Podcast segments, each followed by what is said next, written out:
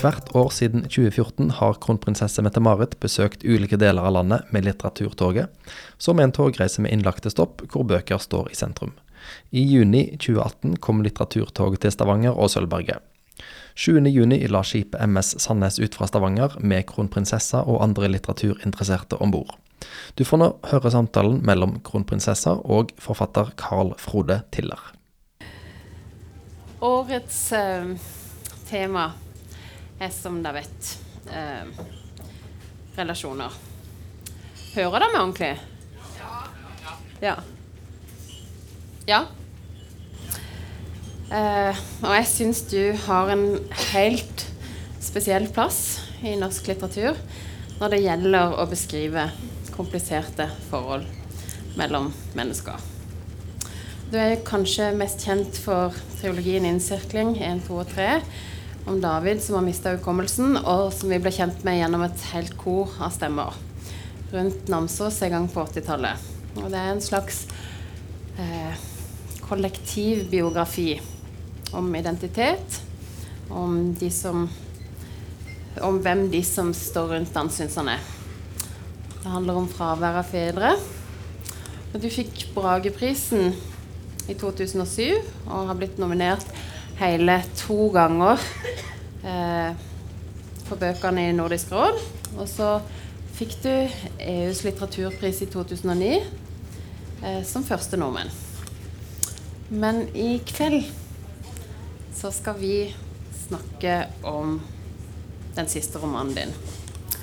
Eh, som kom i fjor høst. Den heter 'Begynnelser'. Og fikk strålende kritikker. Eh, Sindre Hovdenak skrev i VG det er vel få, om det finnes noen norske samtidsforfattere, som på samme måte er i stand til å skildre all den sårheten, svakheten og forakten mot seg sjøl og andre som kan ligge like under overflaten i mellommenneskelige relasjoner. Uh, er det blitt en vane for deg å få sånne anmeldelser for bøkene dine? Nei, det, det, blir aldri en vane. Det er like gledelig hver gang. Ja. Heldigvis tar det så lang tid mellom hver gang jeg gir ut bok. Så det blir ikke så veldig ofte. ja. Jeg, øh, denne boka har gjort øh, et veldig stort inntrykk på meg. Uh, nesten så stort at jeg syns det er vanskelig å snakke om den, for det er så mye jeg har lyst til å snakke om. Uh, og så blir jeg veldig nysgjerrig på hvem er den Carl Frode Tiller som greier å skrive et sånt mesterverk? Skal jeg fortelle hva meg ja. Kan du ta mikrofonen litt, litt opp? Sånn? Sånn, ja. ja. Så hører vi det.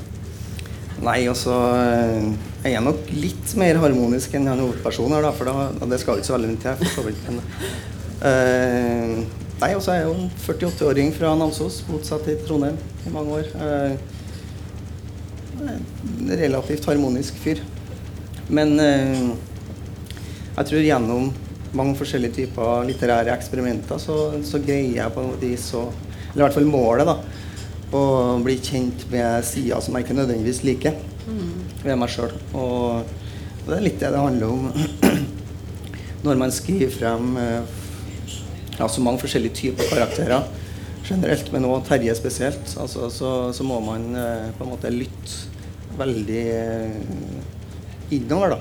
Mm. Jeg, er sånn, jeg er ikke så veldig eh, Jeg er ikke en forfatter som er veldig veldig god til å observere. Så jeg får veldig ofte spørsmål om det om jeg, om jeg går rundt og følger med på hva folk gjør og registrerer veldig mye og sånn, men jeg er ikke det. Eh, veldig ofte så, så, er det på en måte formeksperimenter. Eksperimenter med språk, rytmer spesielt. Musikk og rytmer. Som eh, trigger en eller annen stemning. Får frem en slags sånn stemning eller ja, i meg, og så følger jeg det.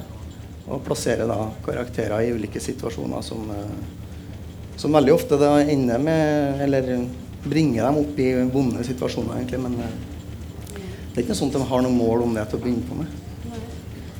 Jeg har så lyst fordi at jeg syns eh, romanen er så veldig eh, sterk i seg sjøl. Litt hjelp til lyden først. Sånn. eh, at jeg har lyst først å be deg om å lese litt. Eh, Ja. Sånn at vi blir eh, satt litt. Jeg tror det, det er din kopi. Det var min. Ja. Ja, det kan jeg jo gjøre. altså, eh, for dem som ikke har eh, vet noe særlig om boka, så er det jo ei bok da om en eh, Bare for å forklare det først. Altså om en Den går baklengs. altså Det begynner med at en person begår selvmord. Og så går vi tilbake gradvis helt til en er bitte liten. Eh, og den teknikken på en måte forteller jo litt om hva boka handler om også. For at, eh, når du går baklengs, så blir du tvunget som leser da, til å fokusere mer på hvorfor ting skjer, enn, enn hva som skjer. For hvordan det går, vet du allerede. Det har du lest. Så det er en bok om valg på veldig mange forskjellige måter. Eh, og hvis jeg skal lese noe, så kan jeg gå inn eh, ja, sånn midt i livet til Terje. Det er på bryllupet hans. Eh, Terje er i hovedpersoner. Og eh, bare for å forklare litt om hvem som er med i scenen, så er det søstera. Altså søstera og mora og Terje er eh, Mora til Terje da, og søstera til Terje er tre sentrale figurer i boka. Sånn som jeg ser det, så eh, lir de vel litt av den samme typen lidelse. sånn, Jeg vet ikke om jeg, jeg skal ikke diagnostisere det på noe vis, men det er en slags sånn arvelig form for depresjon, kanskje, eller et eller annet sånt. Men det kommer ut, til uttrykk på helt forskjellige måter. Altså, Søstera er den her klassiske, veldig sånn sjølmedlidende. Putter seg sjøl i offerrollen. Mora hun eh, sjølmedisinerer seg med alkohol.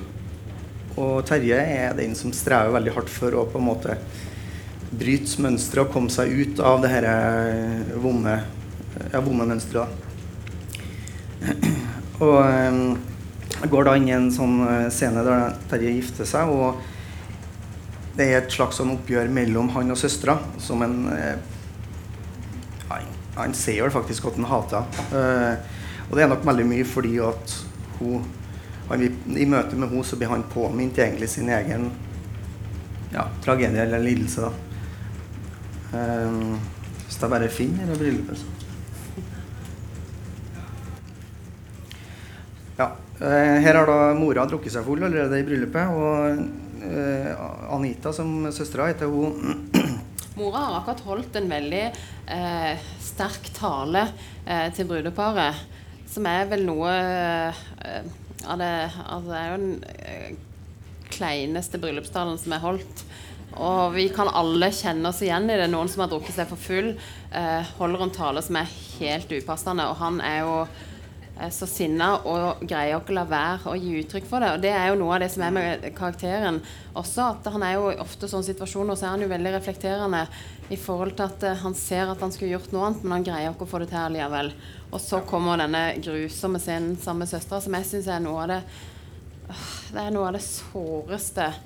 Eh, Ja. eh, en av de såreste scenene for meg, både den og den som kommer rett etterpå. Men vær så god, nå skal ikke jeg Jeg har så mye å si om denne boka Ja, som du hører. Ja. I hvert fall her da, så har Terje Han tør ikke å stikke av fra sitt eget bryllup, men han tar seg en, drister seg til å ta en liten tur ut i skogen. Og når han står ute i skogen her, så hører han noen stemmer da, nede ved elva. Hva er, gje- hva er det du gjør? var det en mann som sa. Han hørtes opprørt ut, på grensa til redd. Jeg orka egentlig ikke gå for å sjekke, men det fikk meg ikke til å la være. Det kunne jo faktisk hende at noen trong hjelp. Det var det heldigvis ikke. Det var bare Anita som prøvde å gi inntrykk av at hun ville ta livet av seg. Hun hadde gått ut i elva og hadde vann opp til låret allerede. Kom tilbake, ropte han som sto på elvebredda. Det var en av homovennene til Turi, men det kunne jo ikke Anita vite. Han var ikke av den skrullete typen, så jeg kunne forstå at hun var interessert. Bare bli stående, sa jeg da jeg så at han løfta den ene foten og tok av seg skoen. Han snudde seg fort mot meg. Han minte om en stork når han sto der og balanserte på ett bein. Hun kommer tilbake når hun forstår at vi ikke kommer etter henne, la jeg til. Men det er jo strøm, sa han. Han var fremdeles svært opprørt. Det er sterk strøm, ser du vel. Hun kan bli tatt av strømmen. Nei, hun går ikke så langt uti, sa jeg. Men, sa han. Han så på Anita, og deretter på meg igjen. Bare vent og se, sa jeg. Og naturligvis gikk det som jeg sa. Kort tid etterpå sto Kort tid Unnskyld. Kort tid etterpå stoppa Anita. Hun torde ikke gå nærmere strømmen, og hun ville tydeligvis ikke tape ansikt ved å gå på land igjen sånn uten videre. Så hun sto der bare med armene over hodet og visste ikke hva hun skulle gjøre. Det var det artigste selvmordsforsøket jeg hadde vært vitne til så langt i livet, og det var helt umulig å la være å le. Det vil si, for meg var det det. Turid hadde fortalt mye om hvor rå humor homovennene hennes hadde, men det gjaldt tydeligvis ikke denne karen. Han lo iallfall ikke. Han var tvert imot svært alvorlig. Ler du? sa han. Er det virkelig nødvendig å svare på det? spurte jeg. Det er jo et rop om hjelp, sa han. Hjelp og hjelp, fru Blom, sa jeg. Det er mer et rop om kuk. Det var sikkert litt i overkant ufølsomt sagt. Han så iallfall bestyrta ut med det samme. Deretter ble han sint. Faen er det som feiler deg, sa han. Det er jo søstera di du snakker om. Jeg skulle til å si ja, dessverre, men det virka som han hadde fått mer svart humor enn han kunne tåle allerede, så jeg lot det være. Ha en fin kveld videre, sa jeg. Sa jeg. jeg snudde og skulle til å gå tilbake til forsamlingshuset. Men det var tydeligvis flere som hadde sett Anita gå ut i elva, for plutselig kom det en hel gjeng springende ut av skogen. Og alle sammen virka å være svært prega av det de trodde var situasjonen. Vibeke trygla Anita med å komme på land igjen. Tonje la hendene framfor ansiktet og torde ikke se. Og søskenbarna til Turid lurte på om de skulle sperre elva der det var på sitt smaleste, slik at strømmen ikke skulle ta Anita helt ned til fossen. Det slo meg at folk flest levde svært trygge og kjedelige liv her til lands. At det var utfelta på drama og alvor, var det iallfall ikke tvil om. Nei, dette går ikke, sa homovennen til Turid. Han hadde stått der med bare ei sko i en lang stund, men nå var det tydeligvis på tide å ta av den andre også. Det var iallfall det han gjorde. Det hele forekom meg som, så latterlig at jeg ikke greide å la være å le. Han måtte være verdens tregeste superhelt. Hvordan går det med henne? var det noen bak meg som sa. Det var et av søskenbarna til Turid. Han kom ut av skogen bærende på et ullpledd og en handduk det sto Gran Canaria på. Jeg tror ikke hun har det så fint siden sist hun skulle til livet av seg, sa. Hva? sa han. Se på alt publikum var det, sa jeg. Så på han og smilte, men han smilte ikke tilbake. Ærlig talt, sa han. Han så ut som han hadde lyst til å se enda mer, men han gjorde det ikke. Han kvidde seg kanskje for å kjefte opp brudgommen på bryllupsdagen. Det ville iallfall jeg ha gjort. Jeg sa ikke noe. Jeg holdt på smilet. Homovennen til Turid kom leiende på Anita og gret og så akkurat så ødelagt ut som rolla krevde. Like før de skulle til å klyve opp på land, så sleit hun seg og begynte å vasse ut i elva igjen. Ekstranummer, sa jeg. Jeg sa det som det var ei gledelig overrasking. Alle sammen snudde seg mot meg. Det føltes iallfall slik. Jeg prøvde å le, men jeg fikk det ikke helt til. Jeg hadde så mange sinte blikk retta mot meg. Homovennen til Turid fikk tak i Anita med en gang. Inga stor bragd, naturligvis, ettersom hun ikke hadde til hensikt å stikke av på ordentlig. Han fikk henne med seg opp på land, og søskenbarnet til Turid var straks på pletten med pledd og handduk. Vi får henta dem, meg, klynka Anita. Du burde latt meg gå. Enig, sa jeg. Ja, jeg kan stoppe der. Takk. Bare for de til å være litt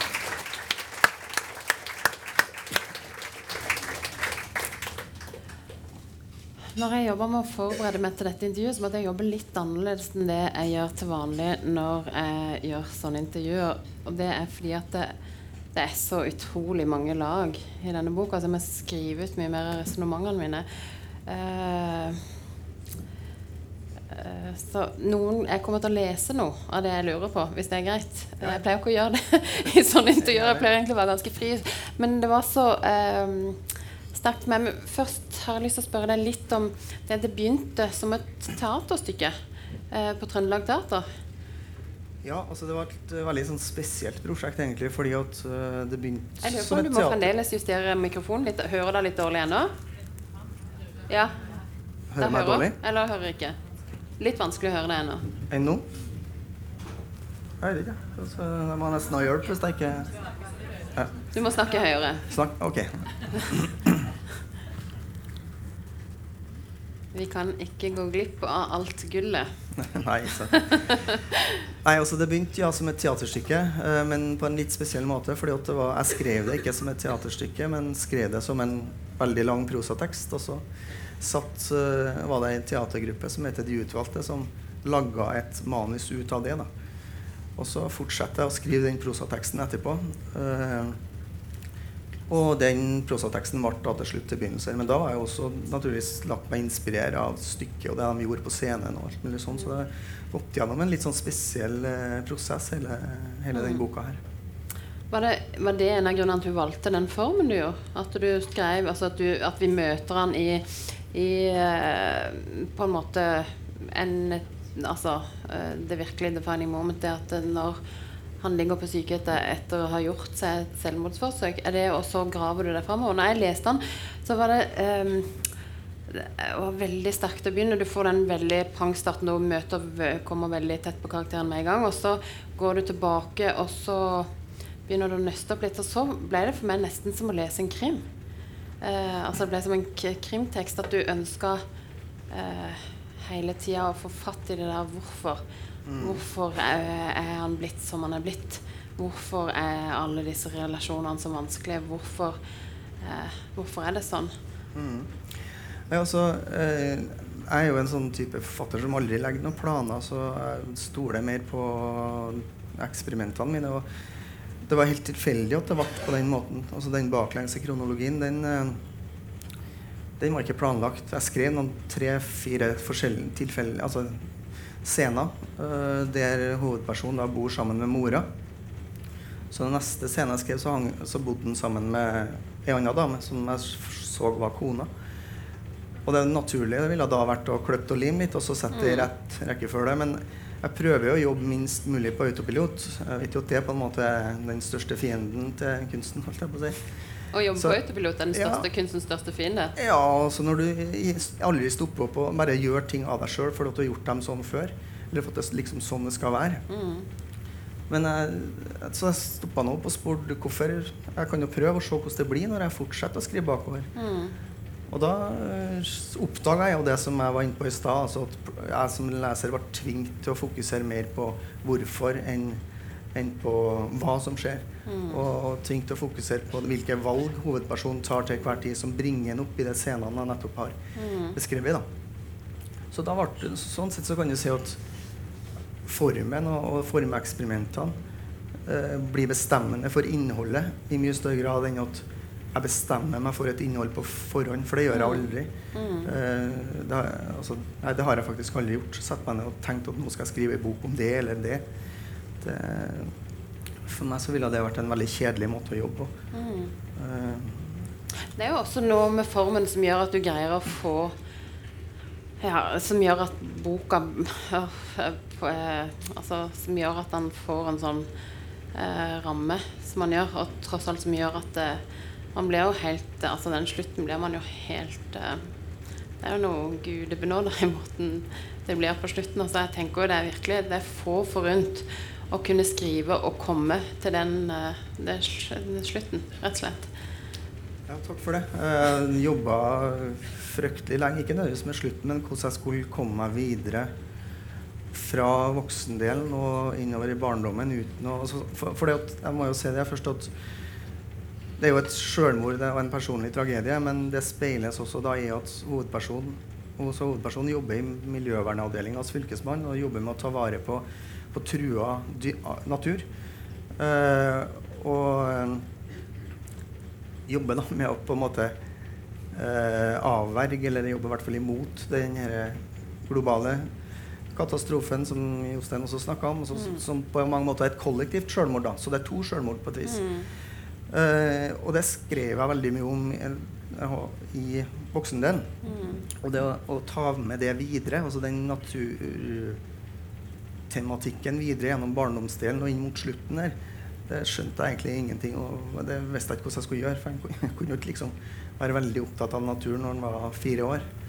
Eh, men jeg har jo funnet, fant jo en løsning på det etter hvert. Ja, du gjorde det. det, Og, det og den er veldig tydelig på den slutten du nevner. da. Eh, forlaget har skrevet bak på boka 'Livet må leves framleis og forstås baklengs'. Altså, det er det jo ofte Kirkegård som blir eh, tilskrevet det sitatet. Og han, Kirkegård er jo opptatt av valg, og du sa jo også det at romanen handler veldig mye om de valgene Terje tar. Jeg har lyst til at vi skal komme litt tilbake til det, og, men jeg lurte på, var du veldig inspirert da? Altså Kirkegård rundt disse valgene? Eh, var det noe du var Kom Ja. det egentlig også mer av formen?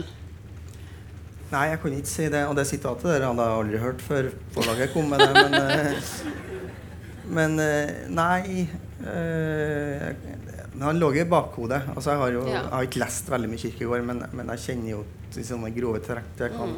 tankene hans. Så det er mer sånn at det ligger i, i bakhodet, ja. Mm. Man kan jo si at karakteren utvikler seg altså når man kommer, altså karakteren utvikler seg jo baklengs. Og man blir jo mer og mer oppmerksom på hvor de valgene kommer fra. Eh, mot, spesielt helt mot slutten så blir man jo, får man jo se hvorfor han valgte de valgene. Men jeg må få lov til å takke deg rett og slett først. Så jeg har lyst til å gå mer inn på karakteren Terje.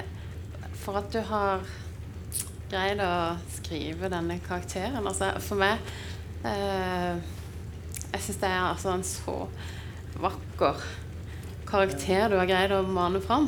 Det er meg som skal takke. Tusen takk. Det er en ære, det. Og det er veldig gledelig så klart når du når frem med noe som du har jobba mye og lenge med. og sånt. Og det er jo ei bok som betyr noe litt spesielt for meg òg, egentlig. Det, jeg tror aldri jeg har vært så tett på meg sjøl.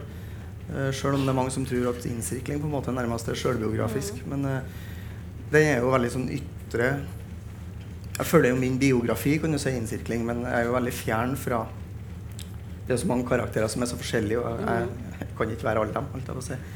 Eh, Men Terje eller, ligger nok tettere på den typen jeg er, og av på meg, så det er en bok som betyr spesielt for meg òg. Han er bedrevitende, arrogant, Ja. har dårlig humor, han er en dårlig skuespiller og er, er driver med hersketeknikker av verste slag. Er det sånn du ville karakterisere deg sjøl òg, eller? Nei, nei jeg, jeg er vel mer i stand til å dempe det, den tingen, tror jeg, enn ja. Eh, men jeg kjenner meg veldig igjen i hans ja, grunnholdning, på et si. Altså, Ja. det gjør jeg. Han øh, Vi ble jo Altså, først så ble vi jo litt sånn forundra over karakteren og lurer litt sånn på hva er det han holder på med, og så øh, Jeg ble også fascinert av den derre eh, veldig dobbeltheten i at han Han er veldig Altså, han er da eh, jobber hos Fylkesmannen med miljø og klima og er levende opptatt av alt eh, som har med natur å gjøre, og er jo usedvanlig kunnskapsrik. Og så eh, blir vi jo veldig rørt av den delen av han, og så samtidig så er det så veldig stor kontrast til den han er når han er sammen med eh, sin mor, sin søster, sin kone, og til en viss grad også til dattera. Eh, eh, Altså, han er jo en veldig destruktiv person. Han ødelegger jo på en måte forholdet til menneske, alle menneskene han har rundt seg nesten hele tida. og det speiles jo igjen i den der destruktiviteten som gjør at vi ødelegger naturen som vi er så avhengig av. Da. Han ødelegger alt, all, forholdet til alle han er avhengig av, på samme måte som vi ødelegger det vi er avhengig av. Uh, han gjør det uten å ville det, uten egentlig å ville det. Han, uh, boka bes, bes, ja, Ja. beskriver jo veldig eh, Dreier veldig mye rundt hans kamp for å ikke gjøre det han hele tida gjør. Det er akkurat det, og det kommer jo, altså når man leser seg bakover, så kommer jo det veldig fram i barndommen. Der er han jo også forbausende refleksiv til å være så liten. Og jeg husker spesielt den ene scenen hvor han kommer sammen med noen andre gutter ut av skogen, og så plutselig så kaster han eh, disse froskebabyene, hva heter det igjen? Froskeegg, ja, eh, I fjeset på han vennen. Og det er vel egentlig første gang at du ser at han ikke greier å kontrollere eh, forholdet til noen av de som han har lyst til å ha et godt forhold til. Ja. Ehm, Ja, men altså, jeg har Det var langt ute i prosessen at jeg oppdaga det, men jeg, sånn som, eller kanskje mer i ettertid. Altså, så ser jeg jo på han som eh, altså Naturligvis som skada, da. Eh, han vokser jo opp da med altså Faren forsvinner jo for at han holder ikke ut å leve sammen med ei depressiv kone.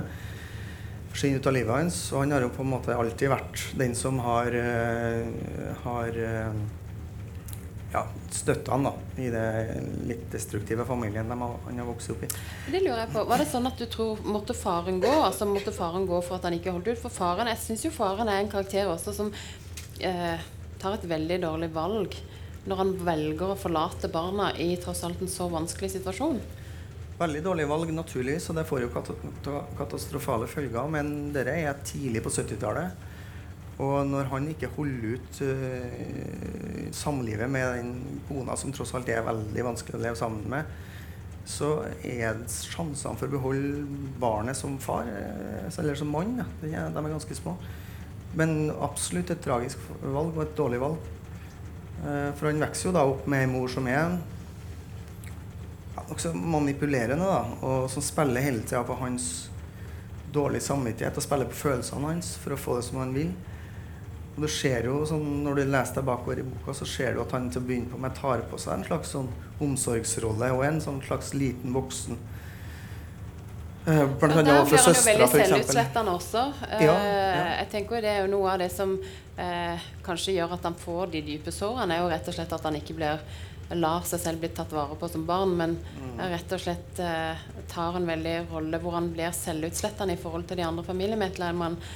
Eh, ja det tror jeg òg. Men helt, kanskje helt frem til ja, kanskje frem til det punktet når han kaster det froskeeggene. For på ett punkt så, så, så tror jeg han instinktivt skjønner Det er ikke noe han reflekterer over, men skjønner at han må på en måte eh, For å bli fri, og for å, så må han eh, ødelegge det her som mora hele tida spiller på for å få viljen sin, nemlig følsomt følelsene sine. Så han mm. kutter på en måte båndet til sine egne følelser på mange måter. og ser det tydelig i ungdommen da, når han bestemmer seg liksom for å være samvittighetsløs omtrent. så det og, og hard og liksom tøff og dyrke det her Du ser det jo også litt uh, tidligere også i barndommen, når han altså med alle disse det, uh, Når pappaen nettopp har gått fra dem, så, uh, så er det disse mødrene som spør å, hvordan går det med den der. Og han mm. vil ikke at de skal spørre, og så blir han skikkelig hard og begynner å kritisere dem og finner alle mulige feil med dem for at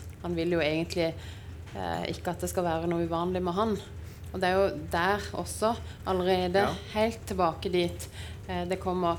Men eh, hvis vi begynner eh, litt eh, eh, å snakke litt om forholdet også til til søstera. fordi at jeg syns det er noe som er så veldig Eller både til mammaen og søstera. Men det derre Han har jo en ekstrem lojalitet til dem samtidig som han, som du sjøl beskriver, på en måte hater de. Mm.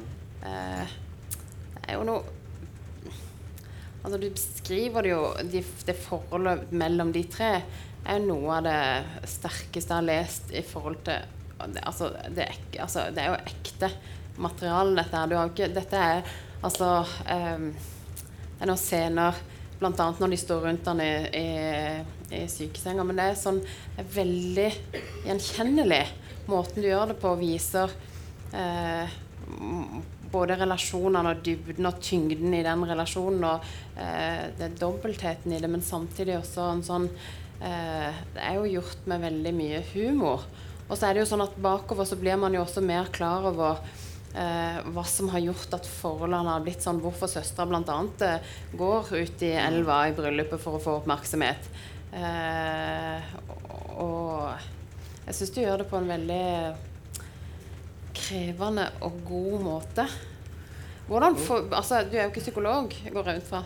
Nei, nei. Men hvordan, hvordan, greier du å gå ned i så dype psykologiske mønstre som jeg opplever at du gjør i denne boka, og virkelig rote rundt i det? Og de stemningene du greier å skrive fram ut ifra den der psykologiske forståelsen, er for meg det er uh, utrolig at du greier å mane det fram. Ja, hvordan Takk for det. Men ja. Eh, jeg vet ikke helt hva jeg skal si til det, hvordan jeg får det til. Men uh, jeg tror at Jeg var inne på det i stad. Altså når jeg sier at jeg det begynner veldig ofte med, med språket, altså med, med bruk ulike rytmer, bruk ulike teknikker sånn formmessig. Og her så begynte jeg veldig med altså Jeg bestemte meg for å skrive uh, veldig sånn kort, enkle setninger. Og så Eller jeg bestemte ikke meg for det, jeg begynte å gjøre det. Og så ser jeg at uh, det gjør at personen virker ganske stengt. Virker ganske kort Mm. mot, mot andre folk. Samtidig så har han denne sarkasmen, for den humoren kom veldig tidlig inn. Ja. Og, og den er svært viktig i boka, for at Mm. nå har vi allerede nevnt alkoholisme og klimakatastrofe og Og psykiske problemer. røykinga. Og den evinnelige røykinga. Ja, ikke sant? Nei, så det, det er veldig mye svart. Så den humoren er mm, essensiell, og den kom inn også tidlig. Men ja, så, så tegner den så altså, Det får en øye på en karakter etter hvert. da. Så jeg vet ikke helt hvordan det Det tar lang tid. Holder på i tre-fire år med en bok, så da Jeg har lyst til at du skal lese litt fra noen av de delene hvor du skriver for å gi folk et bilde av den veldige kontrasten mellom den mørke Mora bor i en leilighet, og eh, der skjer det mye. Det, eh, I alle leilighetene hun egentlig har bodd, så skjer det mye. Altså det er mye eh, Jeg har i hvert fall ikke lyst til å gå inn i det huset eller i den leiligheten hun bor i, og være inne i den stua med de. Eh, jeg har i hvert fall lyst til å stikke helt av. Eh, og og det er så stor kontrast mellom den og så de nydelige skildringene av norsk natur. Kan ikke du lese litt av det, så vi får et bilde av, av noe av det også? Jo eh, Skal vi se om jeg finner noe.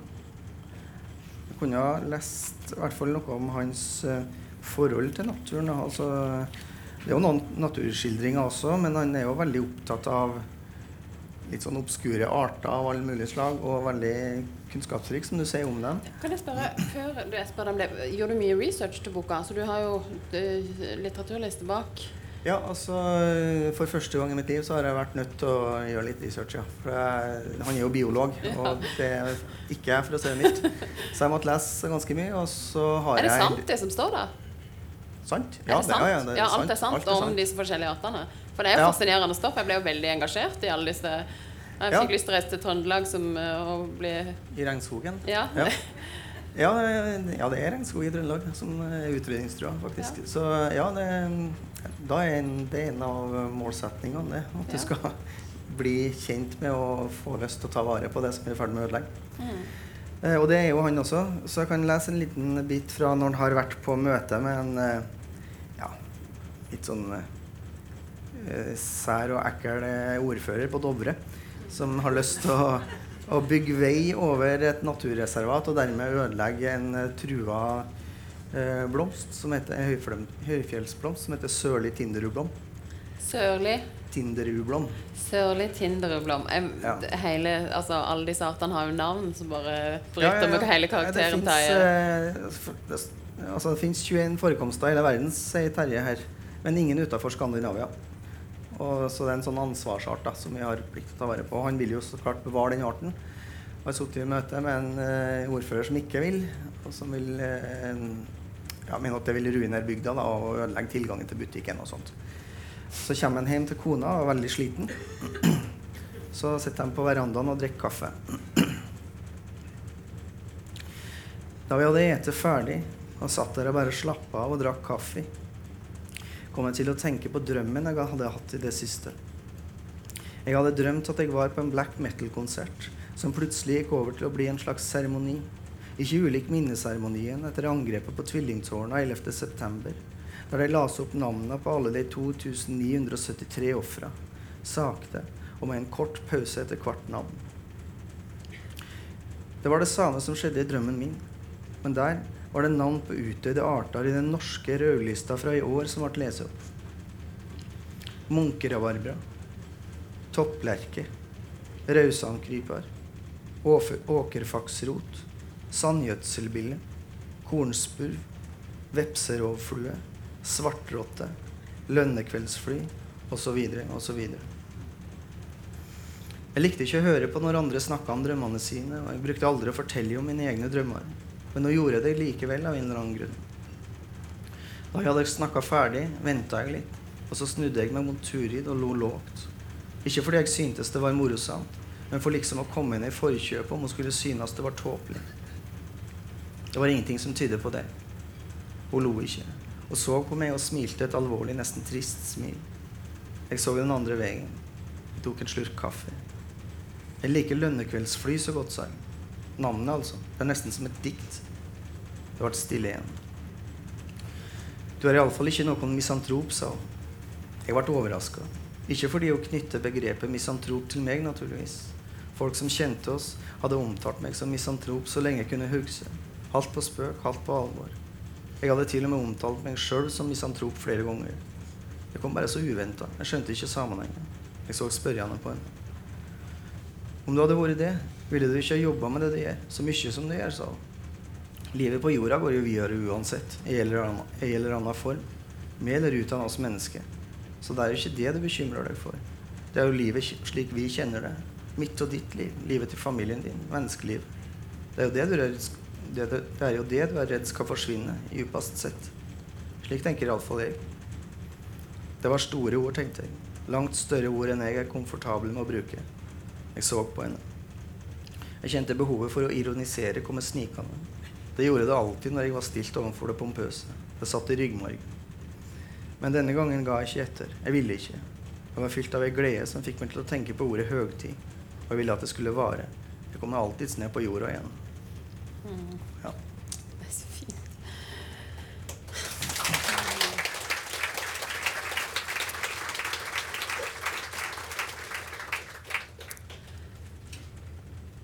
Terje opplever ofte at han føler at noen andre er i rommet eller ser på han.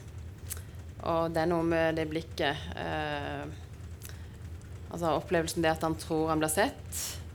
Og du siterer Pessoa, som skriver 'Den fremmede i akter oss fra skyggene'. Og jeg tror første gangen det skjer, er vel i begravelsen til pappaen.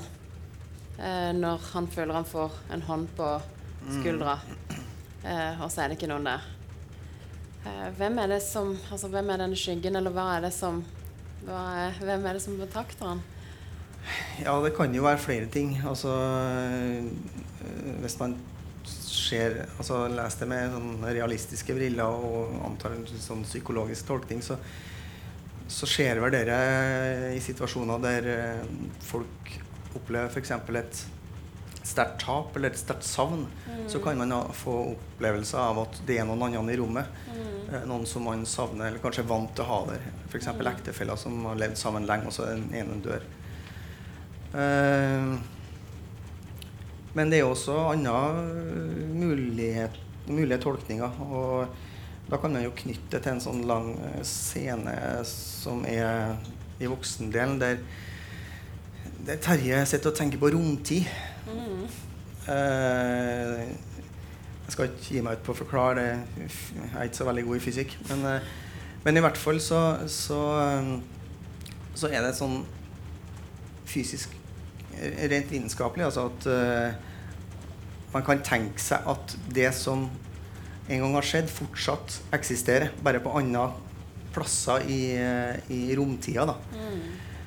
Eh, og han finner en slags sånn trøst i det, for han tenker at ok eh, Da jeg var fire-fem år og, og på en måte var lykkelig, så det eksisterer en annen plass faktisk i romtida. Det, det er ikke bort. Og han tenker litt på det. eh, og glir videre til å tenke på For har nettopp forklarte dattera si om døden. eh, For eh, hun er ei, mor i, i klassen hennes som har dødd. Så han satt og snakka om døden. Og han kommer da til å tenke på at uh, At uh, Kanskje Altså Kanskje så kan, er det, kan vi besøke Kanskje er det det døde personer som besøker oss. Altså dem, dem som eksisterer fortsatt på en annen plass, Ja. som kommer og besøker oss. Og kanskje til og med så er det han sjøl, kan en tar han seg og fantaserer, da, som kommer og besøker Eller ser om seg sjøl. Så han sitter og venter en stund, men han, det kommer, skjer jo ikke noe tegn. Uh, men han ligger jo på sykehuset hele tida mens dette skjer, og han uh, er jo i ferd med å dø. Så det kan jo være en hallusinasjon, eller hvis man vil anlegge en slags sånn mer metafysisk tolkning, så går det jo faktisk an å, å se på det på den måten også, at det er faktisk han sjøl som kommer og, og ser om seg sjøl i livet. Eh, jeg vet ikke om jeg skal, hvor mye jeg skal få lov til å gå inn i slutten. Får jeg lov til det eller ikke? Jo, bevares. Det, Ja. Nei, for jeg skjønte ikke Det er det som var så veldig godt. Eller skal vi gå hele veien, eller skal jeg bare la det ligge? Hvor mange har lest boka? Ja.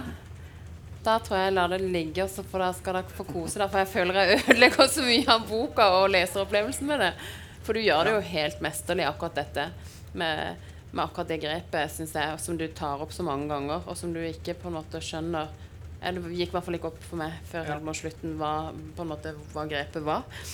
Det gikk ikke opp for meg heller før på slutten, så Nei det var, eh, ehm,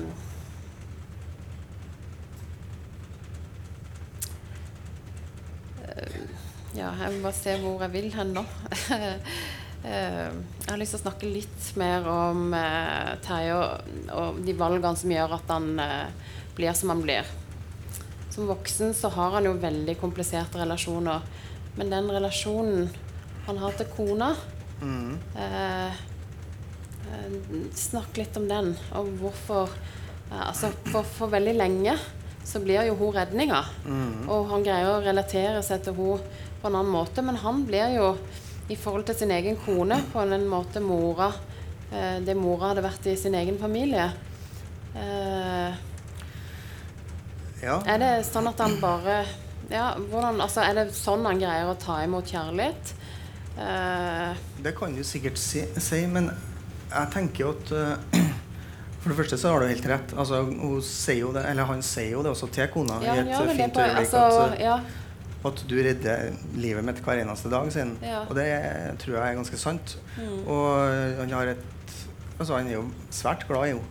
Likevel, altså, så er ja, Hvordan han greide han å skille seg? Altså, Jo, det tror jeg har en sammenheng med, uten at det var planlagt, men sånn som jeg ser det når jeg leser det nå, eller når jeg tenker på det, så tror jeg det har en sammenheng med den her eh, Kall det depressiv lidelse, da, men det her er jo at han, han føler seg altså, Han har sånne bølgedaler. ja, så Og han føler er seg så inadekvat på et eller annet vis at han ikke greier å leve i det. Jeg tror han føler seg så maktesløs Mm. uh, som det er vanskelig å beskrive på uh, andre måter enn gjennom litteraturen. Men han er så langt, føler seg så maktesløs at han i gitte sånne situasjoner en, altså, Det han har behov for, er bare å ta et stort valg, rett og slett. Og et valg som får store konsekvenser.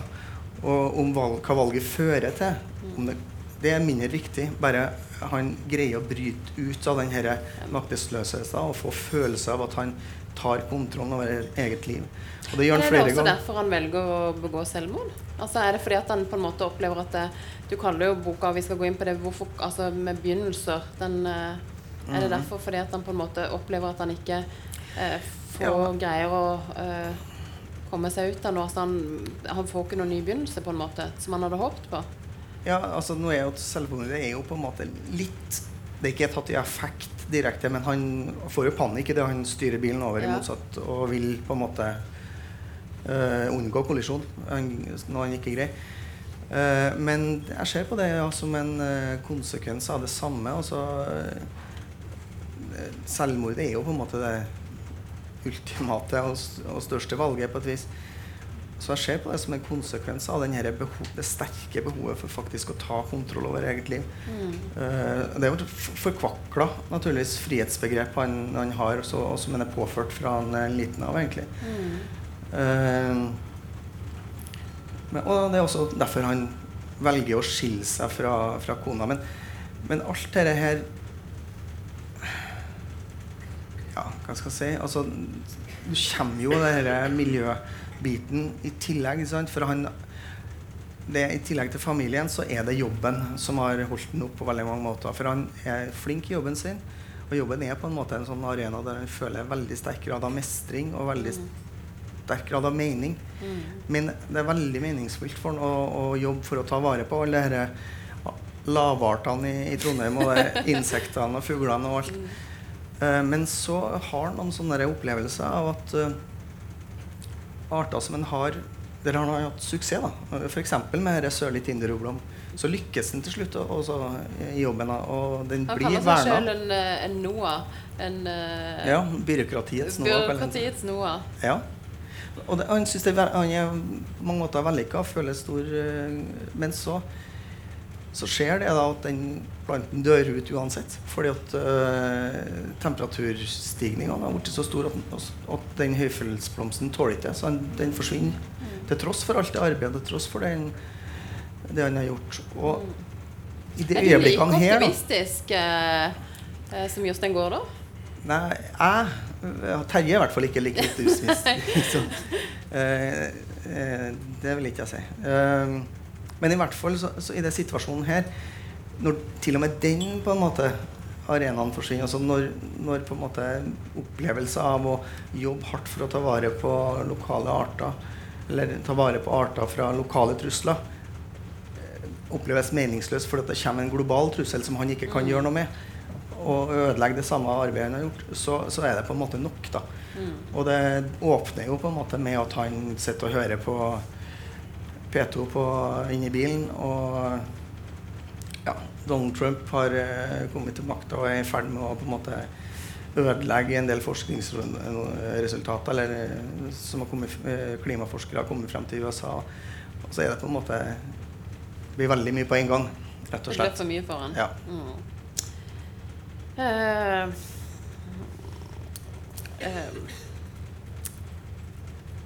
valg er jo viktig i teksten, også, eh, tenker jeg det har veldig mye eh, eh, Altså de ulike periodene eh, i Terjes liv opplever jeg som på en måte nye begynnelser. Eh, de du beskriver. Og du beskriver eh, flere steder om sommerfuglen. Eh, er det et bevisst valg altså i forhold til det med begynnelser? Det at sommerfuglen på en måte har den veldig fornyende egenskapen. Eh, Det kunne ha vært, men jeg, jeg var ikke så smart at jeg tenkte på det. Jeg var bare opptatt av selve sommerfuglen. ja. Så, uh, men jeg, jeg ser jo det metaforiske i det, naturligvis. Den her sommerfuglen som forvandler seg til fra, ja. Nye stadier hver Ja, gang, og det ja, blir et eh, Det er jo Ja. Og det er jo også noen beskrivelser av sommerfugler her som Ja, i flere steder i boka. ja. Hvorfor valgte du tittelen 'Begynnelser'? Nei, det har jo det med den valgproblematikken å gjøre. da. For første så er jeg elendig på titler, sånn at jeg, jeg, jeg tenkte ikke noe særlig på det. Jeg slengte det bare ut, og så sa han ja, det var bra. Ja. Det er greit for meg. Eh, men eh, det hadde jo å gjøre med naturligvis at eh, på en måte så er jo hver dag eh, i livet hans da, og hver dag som jeg skildrer, en slags begynnelse. Den har jo Boka handler jo om det dette eh, forholdet mellom eh, determinisme, altså den arvelige lidelsen, på en måte, og, og frihet. frihet. Mulighetene for valg. Hvor, stor, hvor fri er vi egentlig til å forme våre egne liv? Og Hvor fri er Terje? Hæ?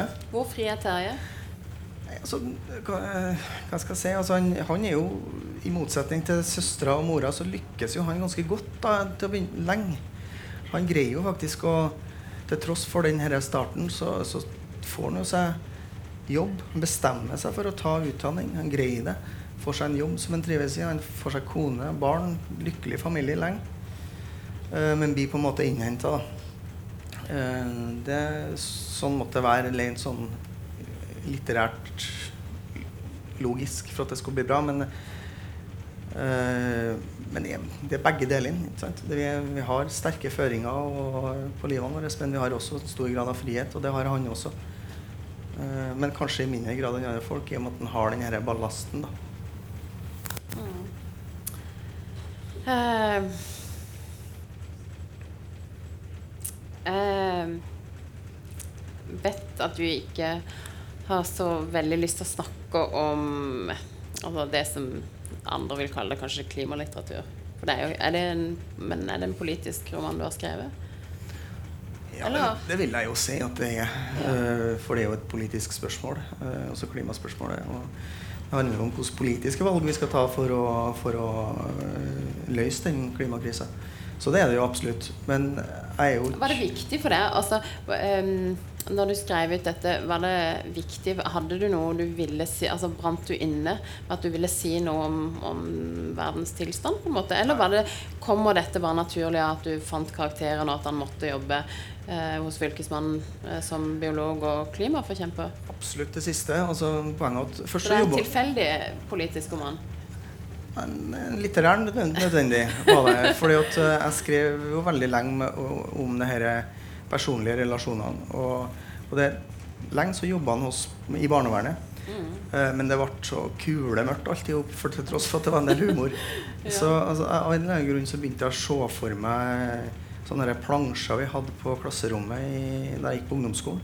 Ja. Som var sånn av blomster og fugler og sånt. Uh, og nå har jeg ja, vært forfatter såpass lenge at jeg, jeg vet at jeg skal stole på denne, sånne ting når de dukker opp, og stole på magefølelser. Så jeg visste at den på et eller annet vis måtte inn i boka. da.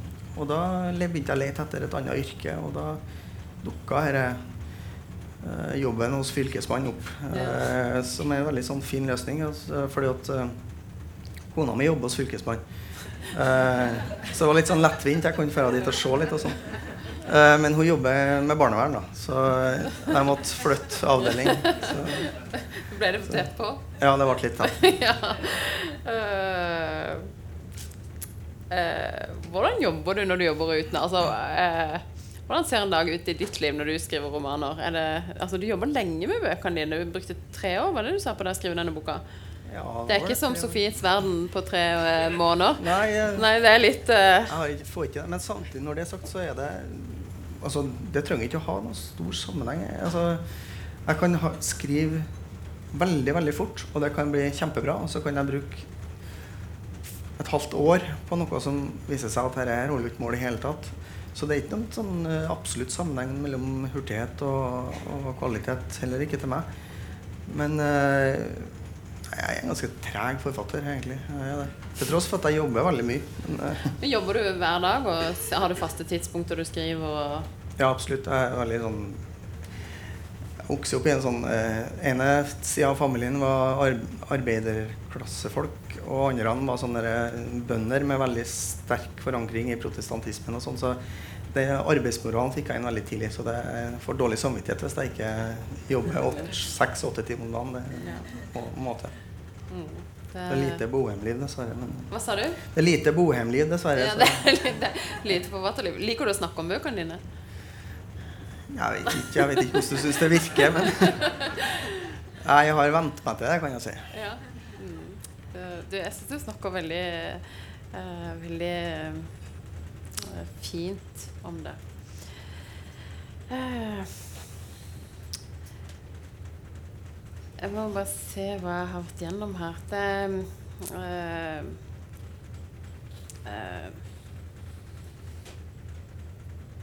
I denne romanen så eh, På slutten av boka så eh, Noe av det som jeg syns at eh, som gjorde at det gikk så veldig inn på meg, er eh, det der når du begynner å brodere mer ut enn hånda på ryggen i form av noe helt annet, og det er at han går inn i disse dyrene, i dyreskikkelser, og tar på seg andres blikk og andres syn.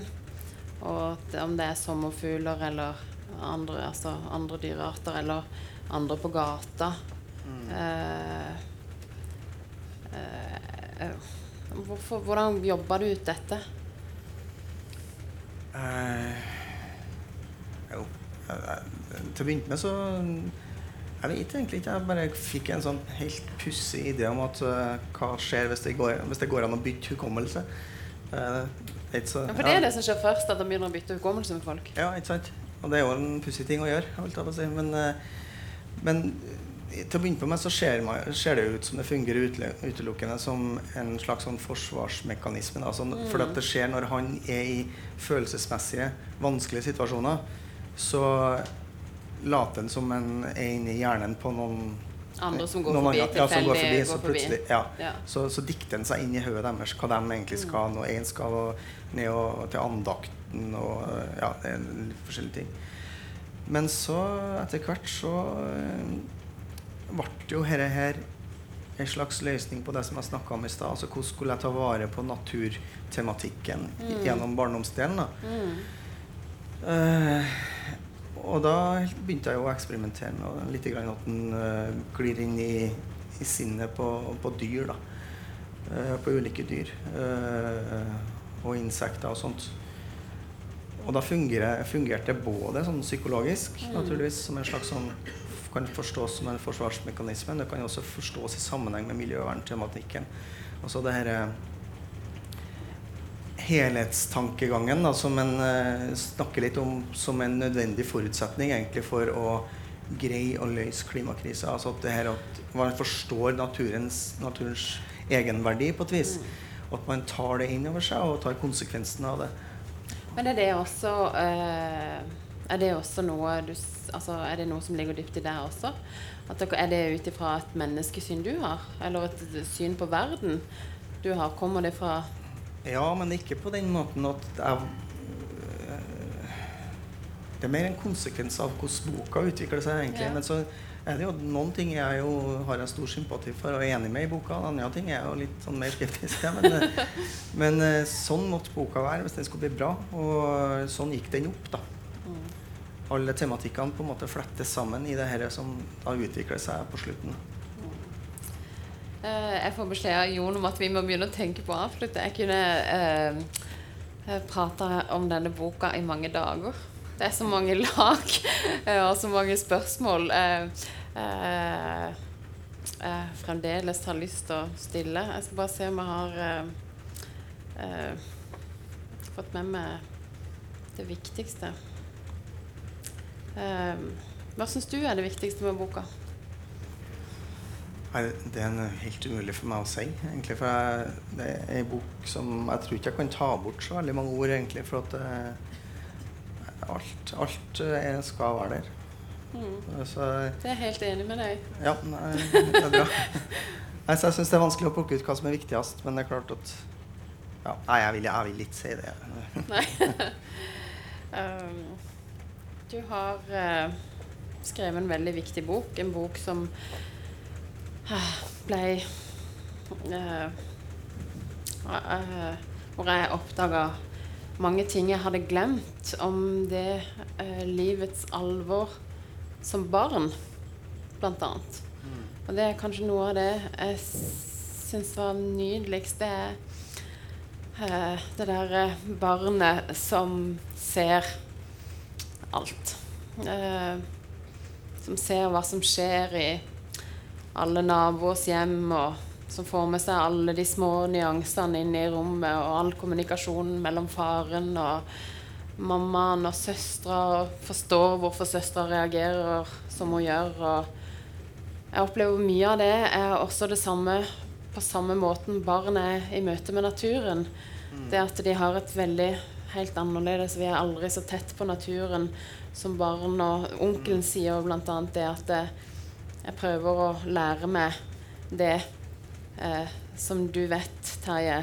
Eh, og da er han åtte, rundt åtte år eller noe sånt. Og det som du vet nå, som jeg aldri kan få tilbake. Og det er noe av det sterkeste i denne boka, det å bli tatt helt med til akkurat det som har gluppet for meg nå som jeg er voksen, og som ikke har samme mulighet til å skildre eller oppleve i dag. Så jeg vil takke deg for at du har gitt meg denne store leseopplevelsen. Tusen takk. Eh, og tusen takk for at eh, du delte med oss. Jeg, eh, jeg er bare utrolig takknemlig til at eh, du sa ja til å være med på denne samtalen. Det er jeg som skal takke, så tusen hjertelig. Fint. Jeg syns vi må gjøre en stor applaus.